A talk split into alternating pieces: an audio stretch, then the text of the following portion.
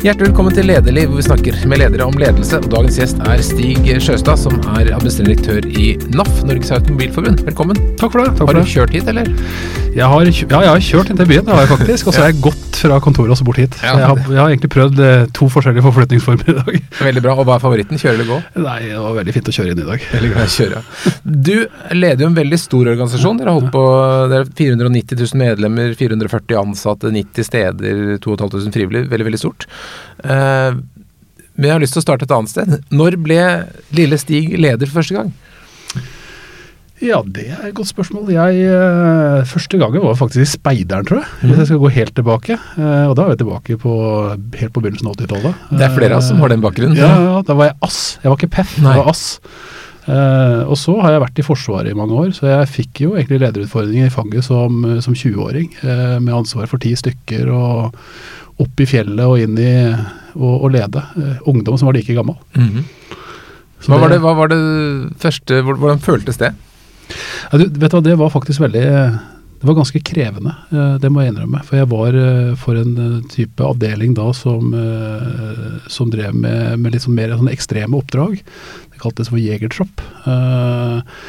Og de, det å være borte i skogen og i fjellet med, med jevngamle, ti stykker i, i lengre tid, eh, hvor du får de vanlige konfliktene som 20-21-åringer har, eh, og så er du like gammel sjøl, og så har du noen vinkler på skuldra, og så skal du allikevel klare å markere deg, få noe respekt, og at folk lytter til deg.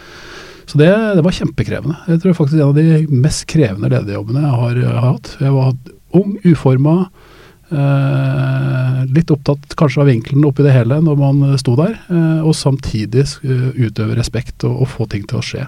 Og vi fikk det jo til, da, men eh, det var mange krevende situasjoner. det var det. Men Du deler jo det med veldig mange mannlige ledere i næringslivet, at man har mm. fått lederopplæring sin i Forsvaret. Mm. Føler du at den utdanningen er relevant fortsatt? Jeg syns den er kjemperelevant. Jeg, jeg tror faktisk den er enda mer relevant. og det er jo det som har vært litt av det grunnlaget som vi nå også jobber med i NAF, der jeg er nå. Eh, og som jeg husker veldig tilbake på slutten av 90-tallet, da, da var jeg med, da jobba jeg i Forsvaret, jeg var yrkesoffiser. Uh, og det var, det var veldig mye snakk om endringen av en ledelsesfilosofi og kultur som handla om at beslutningene tas av de som ser problemstillingen. Og jo lenger opp i hierarkiet du kommer, jo mer er du i en støttefunksjon for å la de få det de trenger for å løse oppdraget kontra den mer kontrollbaserte. Mm. Uh, og det er det jeg opplever nå, egentlig i næringslivet også, veldig drevet av digitalisering. Ved at uh, tempoet øker såpass at du, du er nødt til å i mye mye større grad legge beslutningene på de som står i problemstillingen, mer enn de gode gamle planene og langsiktige strategiene. Mm. Og, og det er en skifte i ledelse som jeg har tatt med meg fra den tiden, og som jeg anvender veldig mye i hverdagen eh, der jeg er nå. Hva er det sterkeste minnet ditt fra perioden som leder i Forsvaret? Nei, Ledelsesmessig så det, det jeg tror det har vært masse. For det har vært eh, mange, mange og For det første en fantastisk arbeidsplass den gangen jeg var der. eh, og eh, utrolig meningsfylt. Det er vel det jeg kjenner på også som leder, at, og det er derfor jeg også er i NAF. Det er meningsfullt. Det er en mening ved det du I tillegg til å levere resultater og, og drive forretning. Men av dramatiske hendelser så har det vært, vært noen. Jeg har vært involvert i noen ulykker. Eh, Mista en soldat i avdelinga mi eh, på slutten av 90-tallet. Tragisk ulykke. Eh, og det er klart, det å stå som leder eh, foran eh, et par 150-200 stykker når livet har gått tapt, det, det er veldig spesielt. Hvordan skjedde det? Nei, det var en ulykke. Det var et uh, terrengkjøretøy som eh, Vi var på øvelse, og eh, dette terrengkjøretøyet gikk gjennom isen på et lite tjern. Eh, og så var det en som da ikke kom seg ut av det kjøretøyet og, og omkom. Eh, Hva lærte du av den opplevelsen? nei, å tørre å stå i det når det skjer. Jeg, og jeg hadde ikke noe valg. Jeg tror altså Poenget er at det var jo en, det var en ulykke. Jeg skal ikke gå noe mer inn i detaljene på det. Men, men jeg tror det er, det er det å stå i det. Når det blir så dramatisk. Møte med foreldre, møte med pårørende. Eh, ta ansvar. Ta ansvar for folka dine som er traumatisert av dette her. Eh, og ta tak, egentlig. Og stå midt i det. Mm. Og ikke trekke seg unna eller få noen andre til å gjøre det. Eller, men faktisk, det er da lederrollen virkelig trer fram. Og så var du i, flere jobber, du ledet en bilforhandler, du var innom eh, IT, litt forskjellig, og så kom du til NAF i, i 2011. og Hva var det som trakk deg dit? Ja, det, det er litt, litt inne på det. Og det, det er litt den biten. Og da jeg fikk muligheten til å Eller kom inn i prosessen rundt NOF, så, så hadde jeg jo da vært i næringslivet en god del år eh, etter Forsvaret. og hadde lært masse. Jeg har vært i børsnoterte selskaper og holdt på med Telekom og masse forskjellig. Men jeg, jeg kjente at jeg savna nettopp denne meningen. Det der med liksom det å ha en litt sånn høyere idé rundt hvorfor du går på jobb, som jeg hadde hatt i Forsvaret. Der var det liksom konge og fedreland og heise flagget. Eh, og norsk sikkerhetspolitikk. Eh, mens i næringslivet for øvrig så hadde jeg kjent på at det var Du måtte i hvert fall eh, finne den meningen i mye større grad. Og så lå plutselig NAF der, som både hadde forretning, næringsliv og alle de erfaringene, mm. men samtidig hadde meningen knytta til å bygge sten på sten. og vise vei for samfunnet knytta til infrastruktur og mobilitet, litt uavhengig av fargen på partiet på Stortinget. Eh, så det å heise NAF-flagget er en veldig stor mening i kombinasjon med alt det andre. Og ja, Med en omsetning på over en milliard kroner, så er det klart at det, da får du mye av, mye av makt og et veldig kontrollspenn. Mm. Og Hvordan tenkte du at du skulle være når du begynte der som leder? Altså være som leder?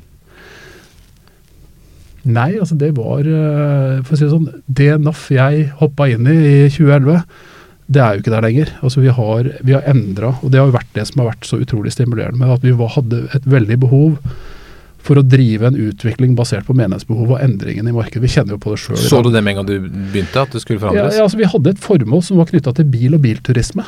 Uh, og vi så allerede når jeg kom inn at det var, uh, det var endringer knytta til uh, teknologi, til hvordan, hvor folk bodde. medlemmene begynte å si liksom at vi, det, ja, bil er viktig, men god kollektivtransport burde dere også jobbe med.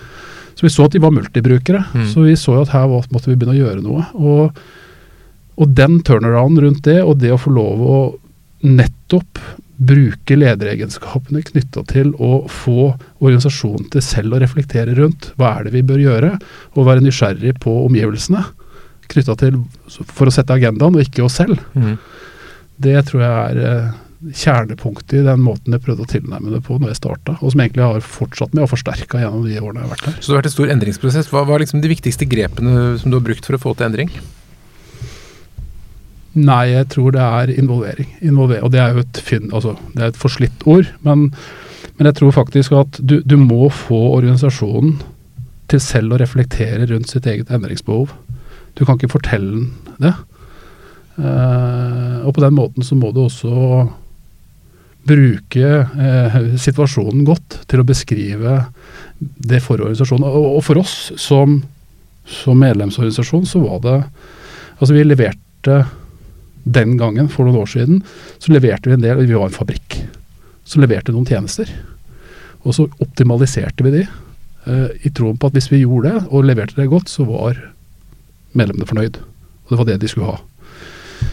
Men så så vi jo det at det, det der går jo til et punkt så er behovet noe annet, og så er du i en veldig farlig situasjon, eller en kritisk situasjon som, som, organisasjon, ved at det du leverer ikke lenger er relevant. Og litt konkret, Hva slags tjenester var det som måtte fases ut eller forandres? Nei, altså Vi måtte restrukturere egentlig alt. Uh, så vi leverer jo mange av de tjenestene i dag også. Veihjelp f.eks., som er et veldig kjent produkt for oss. Det, men det er restrukturert i samarbeid med andre for å ta bort risiko, sikre mye bedre volum. Uh, og på den måten ha et mye bedre nettverk for medlemmer, som gjør at du blir hjulpet uansett hvor du er i Norge. Uh, så Det er et eksempel på det, at vi, vi, restrukturerte det rett og slett for å flytte dette her fra å være en fabrikk og en driftsorganisasjon til å bli en digitalisert produkt- og tjenesteutviklingsorganisasjon som tenkte veldig utenfra og inn. Og som har plassert veldig lederskapet ut i systemet i team, som tar beslutninger. Og jeg som sitter som leder i det daglige, sammen med ledergruppa, er tilretteleggere for at de har høyre- og venstrebegrensning Eh, at de har en retning, eh, og at vi får ting til å gå koordinert, og at de har de ressursene de trenger. Så Det er liksom en helt annen rolle enn å ha den der hierarkiske, mer kontrollbaserte, hvor alt skal opp i tårnet før det, før det blir godkjent. Mm. Men helt konkret, når du da har så mange, så flere hundre ansatte, du har mange frivillige, mange steder og sånn, hvordan klarer du å skape den felles oppfatningen av hvor organisasjonen skal? Nei, du må, du må, og det er, det er, kanskje det største grepet. Altså, vi hadde for fire år siden så, så satt vi og diskuterte dette her veldig i ledergruppa. For vi så at vi er faktisk vi, er, vi har vokst opp i et hierarki, alle sammen. Mm. i det kontrollbaserte i andre organisasjoner, og alle i ledergruppa har vært i næringslivet og andre steder. Og vi har en veldig sånn uh, felles oppfatning av hva lederskap er, og hva godt og dårlig lederskap er. Og som er egentlig å skape en følelse av kontroll. Uh, mens det vi så, var at vi i mye, mye større grad, med de endringene som skjer fort i markedet, uh, og det at vi må lede gjennom andre, og at vi må i større grad utøve tillit, og faktisk slippe tak og slippe kontroll, var et skifte for oss som var ganske dramatisk. Så vi brukte faktisk seks-sju måneder på å finne den ledelsesplattformen for oss som ledergruppe. Og være nysgjerrig på hva det skiftet der er, før vi i hele tatt utsatte organisasjonen for noe som helst. Og så dro vi organisasjonen gjennom den samme reisen. Eh, og hvor altså det å peke retning, lede med kompass og ikke med kart, eh, var en viktig del av det. Så det handler, det er, Man snakker om storytelling, og man snakker mm. om, det er mange sånne ord. Men jeg tror det handler om intensjonsbasert ledelse. Men har du samlet dette et lite manifest som du har gått rundt med, eller? Ja. Mm. Vi har laga et, et uh, Sammen med alle lederne, så laga vi, basert på dette her, så laga vi vårt nye grunnsyn på ledelse. Vår ledelsesplattform. Uh, og det brukte vi også ganske mye tid på sammen med lederne, for å forankre både kultur, ledelse og denne måten å tenke strategi på, ikke planer, men peke retning, eh, før vi begynte å gjøre strukturelle grep eh, og understøtte det. Så vi, vi, forsøkte virkelig, etter å ha vært mye på omorganiseringsprosesser rundt omkring i, opp gjennom uh, årene, så, så, så, har man jo lært det at det er, strukturen er det siste egentlig du skal touche.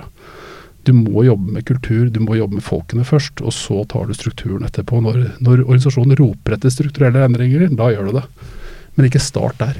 Men når du øh, ser på organisasjonen nå i forhold til hvordan det var når du begynte, hva er forskjellen? Det ledelsesmessige, men, men sånn utad på tjenester og sånn, gjør du leverer noe annet i dag enn dere gjorde før? Ja, vi, altså vi er vi er en helt annen altså Hovedtjenesten er jo der ennå og de er kjempeviktige. Mm. Uh, men vi, er jo, vi har en helt annen digital prosess knytta til kundereisene våre. Hvis du er innom et senter innenfor Vi leverer jo nå verkstedtjenester uh, gjennom senteret vårt, det gjorde vi ikke før. Så vi reparerer bilene. Uh, og vi leverer masse andre digitale produkter, helt ut til digitale kjøpekontrakter på bil. rådgivning knytta til kollektivreiser. Også. Så det er spennet er blitt et helt annet enn det det var tilbake da fabrikken vår der med stor pipe på taket. Men så har det skjedd mye på disse, bare disse få årene på eh, samfunnets syn på bil og politisk kamp. Og, og, i, til høstens valg så er liksom for og mot bil er jo på en måte ytterpunkter ja. i valgkampen. Hvordan, hvordan posisjonerer du NAF i forhold til dette? Nei, altså Vi er jo, vi er jo blitt en altså Vi endra formål i 2013 allerede, basert på medlemsundersøkelsene som gikk da fra bil- og bilturisme som liksom kjerne, til at det er medlemmenes behov som trafikant, altså multibrukere av transport. Og så tror jeg nok, altså har vi nok eh, etter å ha kjent og følt litt på det der som organisasjon, så er altså kjernen vår, det vårt strategiske utgangspunkt, er bilen. Eh, men spørsmålet er rett og slett hva, hva, hva leverer vi som organisasjon til medlemmene når de ikke bruker bil? Eh, i deres hverdag. Så Det ene er bilen og all bilbruken, men det andre er også mobilitetsbehovet. Så Vi jobber jo på hele det spennet, og det er jo det er krevende. Uh, fordi det er så stort spenn mellom Tynset, Øst-Finnmark til uh, Grünerløkka at liksom du er nødt til å individualisere leveransene dine basert Nesten zoomes helt ned på individnivå for at du skal klare å levere. Og Der er de digitale prosessene våre kjempeviktige. Men Vil dere bidra til at bilbruken går ned? På noen områder, ja. Altså I, eh, i områder hvor, uh, hvor, det er høyt press og folk står i kø, så handler det jo rett og slett om å ha gode alternativer som er reelle til, uh, til bilbruken. Og Det er det som ofte er problemet. Altså Hvis du ser i Oslo, for å ta et eksempel, så, så har vi vel noen undersøkelser fra to-tre år tilbake som sier noe sånt som at cirka du bruker i snitt ca. 20 minutter lenger på pendlerreisen din når du bruker kollektivtransport versus øh, å hive deg i bilen. Uh, og så varierer jo det selvfølgelig veldig. men Så det må være reelle alternativer som folk faktisk kan bruke. Så vi Det er et langt svar, men ja. Vi, noen steder, ja. Det handler om å få folk fra A til B mm. på, på fornuftig måte. Mens andre steder så er jo bilen kjernen. Og bilen har jo fått sin renessanse det siste året. Vi skal jo ikke kjøre kollektivtransport. Mm. Folk er veldig avhengig av bil. Så pandemien har egentlig vært et gjort løft i bilismen, vel? Ja, det har det. Og vi ser det også på eh, bilsalget. Bruktbilsalget for 2020 var jo veldig, veldig høyt eh, i forhold til tidligere år. Så folk har nok skaffa seg en gammel bil, eller beholder den gamle bilen, eller har kjøpt seg en ny bil, eller, og trenger bil mye mer i hverdagen fordi de kjører mer lokalt eller drar på ferie i Norge. Og da er det bilen som er eh, forflytningsmiddelet. Og hva tenker dere om drivstoff? Skal det være elektrisk, eller må de fortsatt ha fossilbiler? Det der er også en, Vi jobber jo altså, det er jo ikke så veldig, Den beslutningen er jo tatt av Stortinget. da. Eh, 2025-målet er, er der, med at da skal vi begynne å selge elektriske biler. Men samtidig så var altså den mest solgte bilen i fjor var jo så Den nybilen som var solgt i fjor, var jo en Audi E-tron. Men den som var eh, mest solgt i fjor, det var en diesel Golf brukt. Omtrent dobbelt så mange som Audi E-tron. Så så når det gjelder drivstoff, så tenker jeg at det er eh, Der er det en beslutning som går på el. Eh, og så kan man jo diskutere det opp og ned i mente. Eh, men Men er det noe som NAF engasjerer seg og kjemper Ja. for eller mot? Eller vi, altså det som er, for Når jeg blir litt sånn lang i svaret på det, så er det rett og slett fordi det, dette er veldig veldig sammensatt. Mm. Med en bilpark på tre millioner biler, eh, privatbiler nesten, eh, og hvor du har ca. 400 000 elbiler per i dag, og du vet at det, snitt levetid er 10 år, eh, vrakningsalder nesten 20, så det er klart at de bilene som ruller på veien i dag, den miksen vi har, skal jo, er jo der om 10 år òg. Eh, så, så et veldig jeg tror det er viktig både å stimulere til gode miljøløsninger gjennom også el, for de som det passer for, hvis teknologien er der, men samtidig sørge for at de som må kjøre diesel eller bensin, også kan gjøre det. For det er faktisk majoriteten av bilparken i dag, også i mange mange år framover. Så det der å være sånn doktrinemessig på det ene eller det andre, jeg tror det viktige er hva det slipper ut av tuten. Eh, minst mulig er det vi står for. Mm. Så jeg har skjønt at dere vil åpne NAF også for syklister. Hvilke ambisjoner har du der? Det er en del av disse medlemsundersøkelsene som vi gjør. Da. Og det, det er eh, eh, For noen områder av landet, deriblant Oslo, eh, så er, og spesielt med introduksjon av elsykler, så er det blitt et fantastisk forflytningsverktøy for, eh, for særlig by, byområder. Og så ser vi at en del av de eh, syklene er kjempedyre. Altså En elsykkel koster jo, jeg har ikke kjøpt meg det sjøl, 30 000-40 000 kroner for en sykkel. Det, da skal du ha bruk for det, Mm. tenker jeg. Uh, og så er de tunge å håndtere. Uh, og folk er redd for at de blir stjålet, ødelagt. Og de trenger hjelp hvis det stopper opp. Så vi har jo sett at her er det jo masse av de tingene vi leverer på bilsiden, som vi også kan levere til elsyklisten, og for å tilrettelegge for at de kan kjøpe dette og ha tryggheten rundt det, på lik linje med som med bil. Så vi satser, og vi driver og tester ut nå noe elsykkelmedlemskap her i Oslo-området. Eh, også sykkelmedlemskap, for å se hvordan vi kan tune dette her til å bli noe som folk syns er bra. da. Og det Hvordan er interessen? da? Er det mange syklister som vil bli medlem av? Ja, altså vi har eh, I det, det første testene vi har gjort, så har vi over 6000 medlemmer som har meldt seg inn eh, i, i det første delen. Og så er vi nå i en testperiode den sommeren her med noen nye, nye modeller. Så får vi se hvordan dette her barker av gårde, men at det er interesse, det er det. Og det er, vi merker det, altså folk Punkterer du med en elsykkel, det å hive den på huet og bytte eller lappe, da er det bedre at det kommer en lett liten veipatrulje, kanskje på en elektrisk motorsykkel med lappesaker, og hjelper deg med den operasjonen og som kan være en del av et medlemskap. Eh, og Det samme også en god forsikringsordning i forhold til at det blir stjålet, og kanskje en god finansieringsordning, og kanskje noen andre ting som du trenger rundt denne sykkelen. Og Der har vi jo all kunnskap rundt rådgivning, og når uhellet er ute, der er vi liksom Dette har vi holdt på med i 100 år, så eller snart. Men jeg skjønte på kommentarfeltet det er ikke alle bilistene som jubler for at syklistene skal ha med NAF? Nei. Det er eh, Og det er igjen denne dualismen, eller det er ikke bare dualisme. altså det er, Dette spenner vi er nasjonal. Så det er by og land, det er forskjellige interesser. Noen blir irritert for at vi gjør det, andre blir irritert fordi vi ikke gjør det. Eh, Så jeg tror det handler veldig mye om å, å designe gode medlemskap rundt de forskjellige interessene folk har, og de behovene folk har. eh, Mer enn at vi skal prøve å lage noe i en greie som skal passe for alt. For den tiden tror jeg er litt forbi, som når vi ser dette spennet i Så har vi jo søsterklubber da, rundt omkring i hele verden, eh, i, i vårt internasjonale nettverk. Tar, tar Nederland f.eks. De var jo Det er jo utgangspunktet det var en gammel sykkelklubb. da. Som er blitt bilklubb. Okay, Så det går Eh, så, så det er mange, mange veier inn i det. Ja. Men, men, men er det en utfordring for deg det at det er så stort uh, strekk i laget her? Altså Fra noen som da bare vil ha bil, og, og til den sykkelentusiasten? Ja, det, det er kjempe, kjempespennende i feltet. Og det, og det er eh, det er derfor jeg sier at denne, denne målrettede måten å jobbe med markedet på, og det er derfor også tenker jeg ledelsesmessig. Det der der å, å faktisk utøve tillitsbasert ledelse, tro på folkene dine. Eh, la de få lov å ta beslutning på organisasjonens vegne. La de få rammer til å være nysgjerrige og finne ut og designe og teste ut. Rett og slett for at vi skal klare å favne disse områdene, og samtidig ha en fellesbase rundt merkevaren og det vi leverer, og måten vi leverer det på, men være mye mer tilpassa og dynamisk knytta til endringene. Og Det er en ganske stor endring fra en fabrikk hvor folk gjorde en fantastisk jobb, men de sto ved samlebåndene eh, og leverte den samme tjenesten hver dag, bare litt bedre. Eh, til å ha en den type innretning som organisasjon. Ikke bare med det som kommer ut, men også ledelsesmessig, kulturelt. Og den transformasjonen der, da, det har gjort at jeg har vært der nå i snart ti år. For jeg syns det har vært utrolig spennende. Eh, og utrolig inspirerende og lærerikt. Og så er det ikke en dag som har vært lik, og det har vært en utfordring som jeg har hatt lyst til å se at flyr.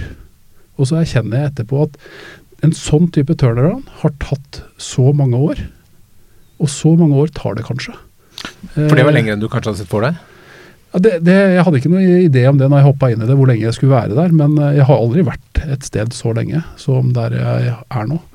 Eh, og det kan sikkert kritiseres for det, på, på den annen side. For jeg tror det har vært viktig nå med kontinuitet i det. Men, men den stimulansen med å få lov å, sammen med gode kollegaer og med tillitsmannsapparat, men få lov å forme dette her med noe som betyr så mye for folk der ute i sin hverdag.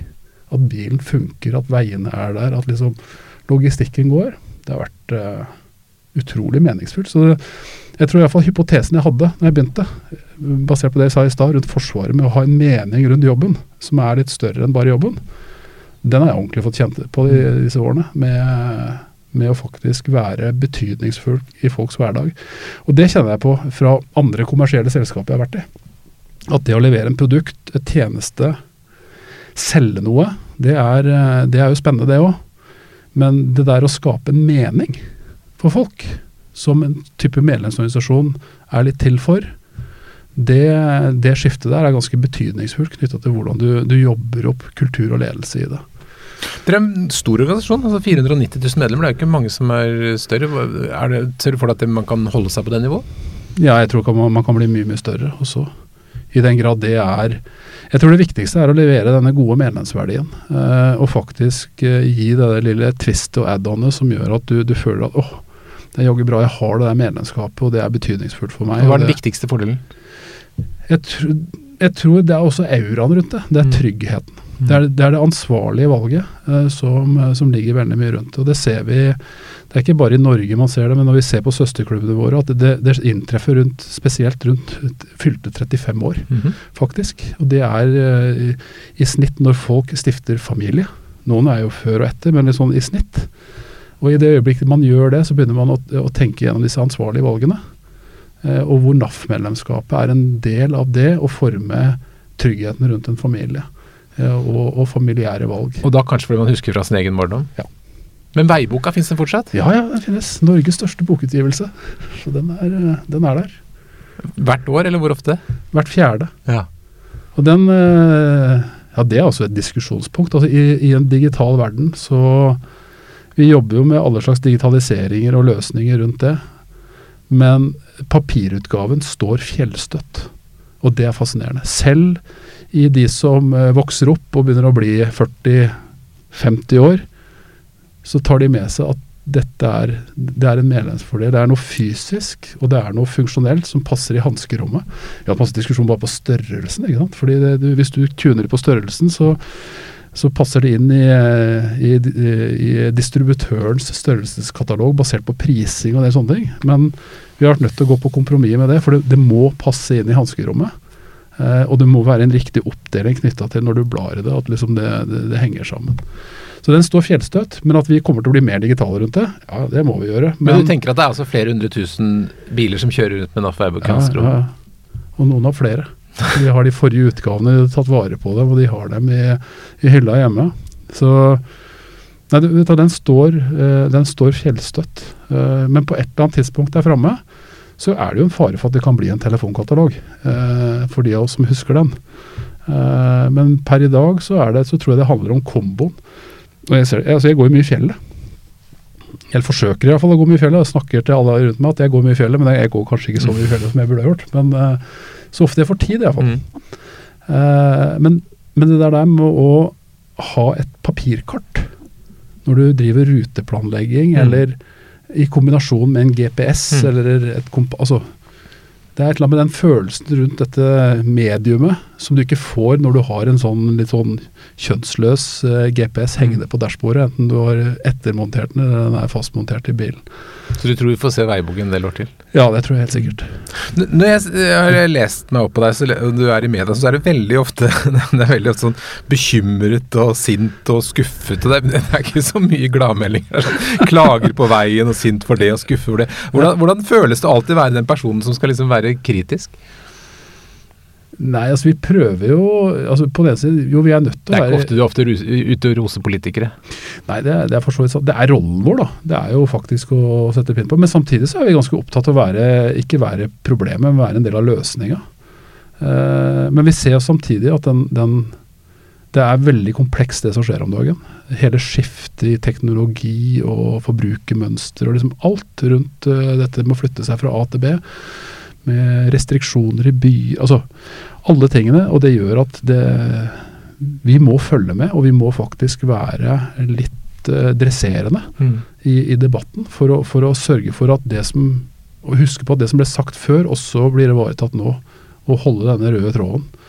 Men har det noen effekt på politikere om NOF er sint eller skuffet, eller blir det sånn ja ja? Nei, vi har vi opplever at vi er en betydningsfull eh, organisasjon. Ta bilavgiftutviklingen som et eksempel. Det er et veldig godt samarbeid mellom politisk hold gjennom flere forskjellige partigrupperinger på Stortinget.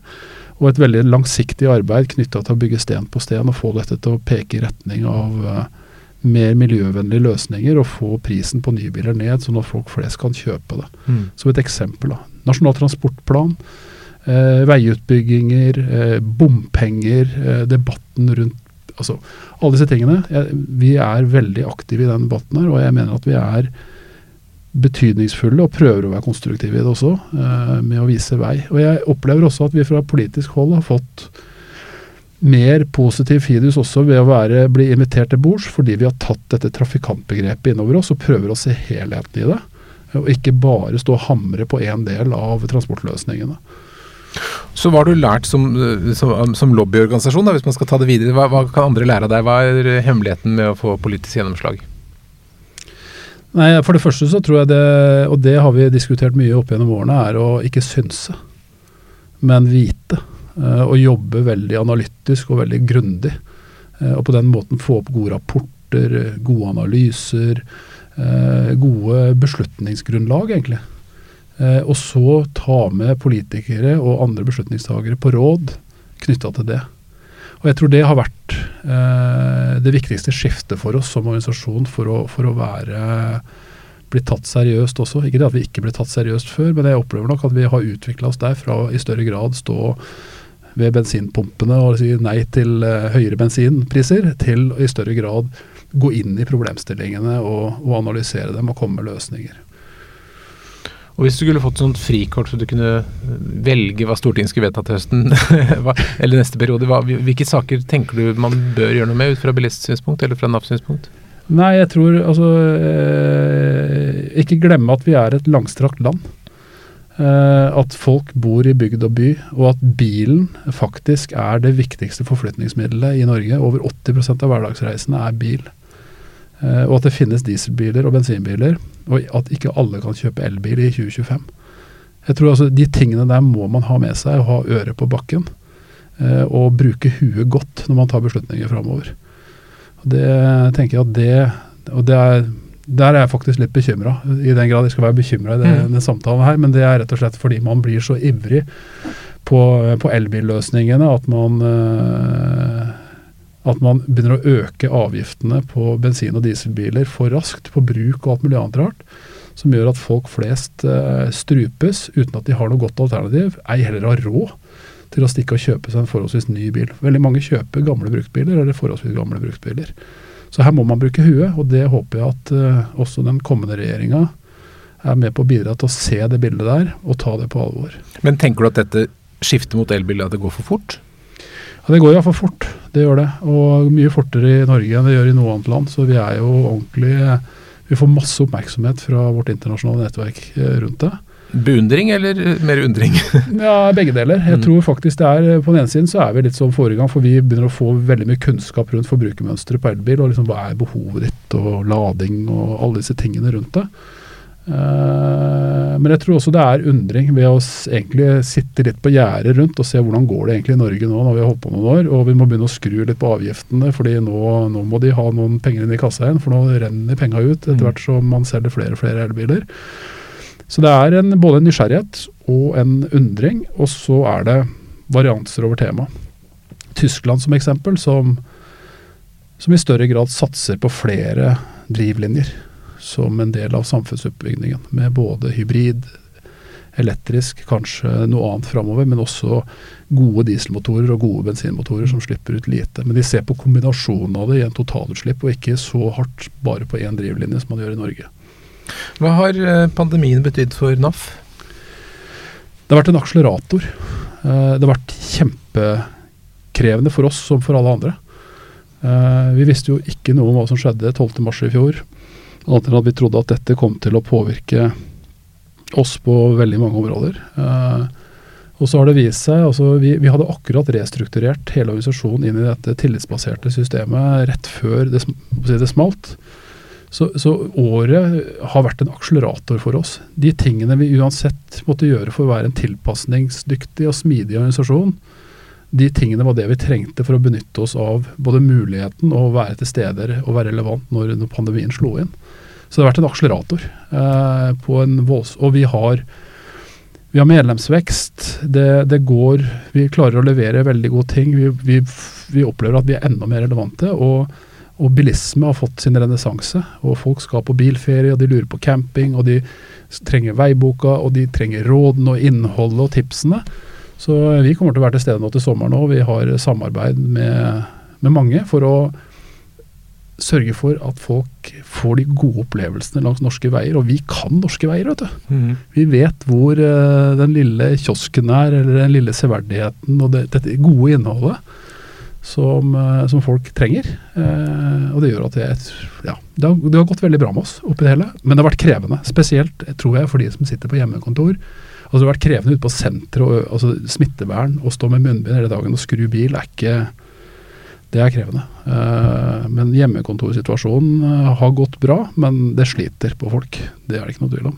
Men sånn før en eh, bilsommer, da, er det, har NAF valgt ut liksom hva er Norges fineste biltur, eller har du en personlig oppfatning? Oi, den er Og du, det er mange. Jeg, jeg driver og kjører litt motorsykkel òg, så jeg Vi har jo nå laga fire bøker med veldig gode reieskildringer. 'Skjulte perler' og 'Norges beste bilveier' og altså mange sånne. Eh, hvis jeg skulle tatt en i Sør-Norge, så, eh, så syns jeg det er veldig vakkert nå i den perioden her å kjøre ned i Sognefjorden og Hardanger og blomstring og det, kontrasten mellom fjelloverganger, enten Sognefjellet eller eh, Vikafjellet, eller altså disse hvor det er mye snø, høye brøytekanter, bar asfalt, og så detter du ned i fjordene som er irrgrønne Mm. og i full blomst.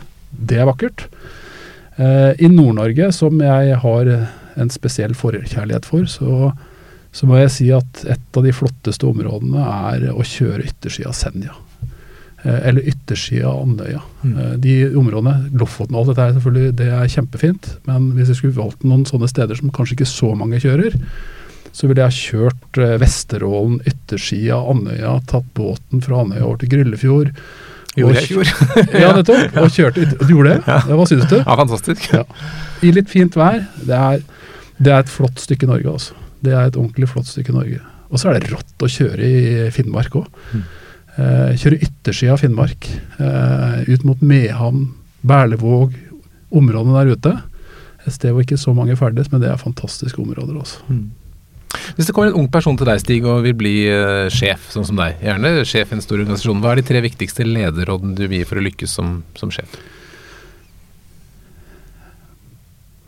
Det er, ja, det er et veldig godt spørsmål. Jeg tror jeg tror faktisk at den viktigste, som jeg har reflektert rundt sjøl, er å, å, være god på å reflektere rundt hvordan du selv påvirker andre. Altså være en god evaluator av deg selv, og bruke tid til det. Det tror jeg er eh, viktigste biten. For gjennom det så kan du spille på andre, og gjennom det vet du hvordan andre reagerer på det du holder på med. Og den andre er å Skal du ta noen beslutninger, så sørg for at de som er treffes av beslutningen, er involvert i det. At de er godt involvert, ikke bare involvert, men at de, de er med på det. Uh, og så er det å ha litt ambisjoner på vegne av deg sjøl og organisasjonen, og tørre. Det tror jeg er den uh, siste biten av det. Så det er en god utgave av deg selv. God til å reflektere, involvere og tørre å trøkke til. Hvis du hadde gått ut døren her og truffet, de, truffet han 20 eh, år gamle befalet, Stig, hva hadde du sagt til han som har lederråd? Nei, jeg hadde vel ikke vært veldig imponert, tror jeg. Jeg vet ikke. altså Det der er vanskelig å si. Men, men jeg har nok lært mye opp gjennom årene. At jeg i større grad har lært meg å lytte til omgivelsene mer enn å fortelle. Uh, i lederrollen. Uh, det er sikkert mange som kritiserer meg fremdeles. Av mine nærmeste måtte jeg fremdeles prøve mer å fortelle enn å lytte. Men, men uh, jeg tror faktisk det er vel den store skiftet jeg har gjort. Jeg, men på det tidspunktet da, jeg, jeg mente at jeg var jeg, altså jeg var nok sikkert Jeg var ikke top notch, jeg var ikke dårligst, men, men det var veldig krevende. Og det, og det er klart, når du blir utfordra som 20-åring av andre 20-åringer, så, så, er det litt opp med boksehanskene. Mer enn å reflektere. Og Iallfall i den settingen man var i den gangen, så i Forsvaret. Det virker som du reflekterer mer enn nå. Ja, jeg tror, jeg tror iallfall det. Stig Skjøstad, tusen takk for at du kom til Lederliv. Kjempehyggelig.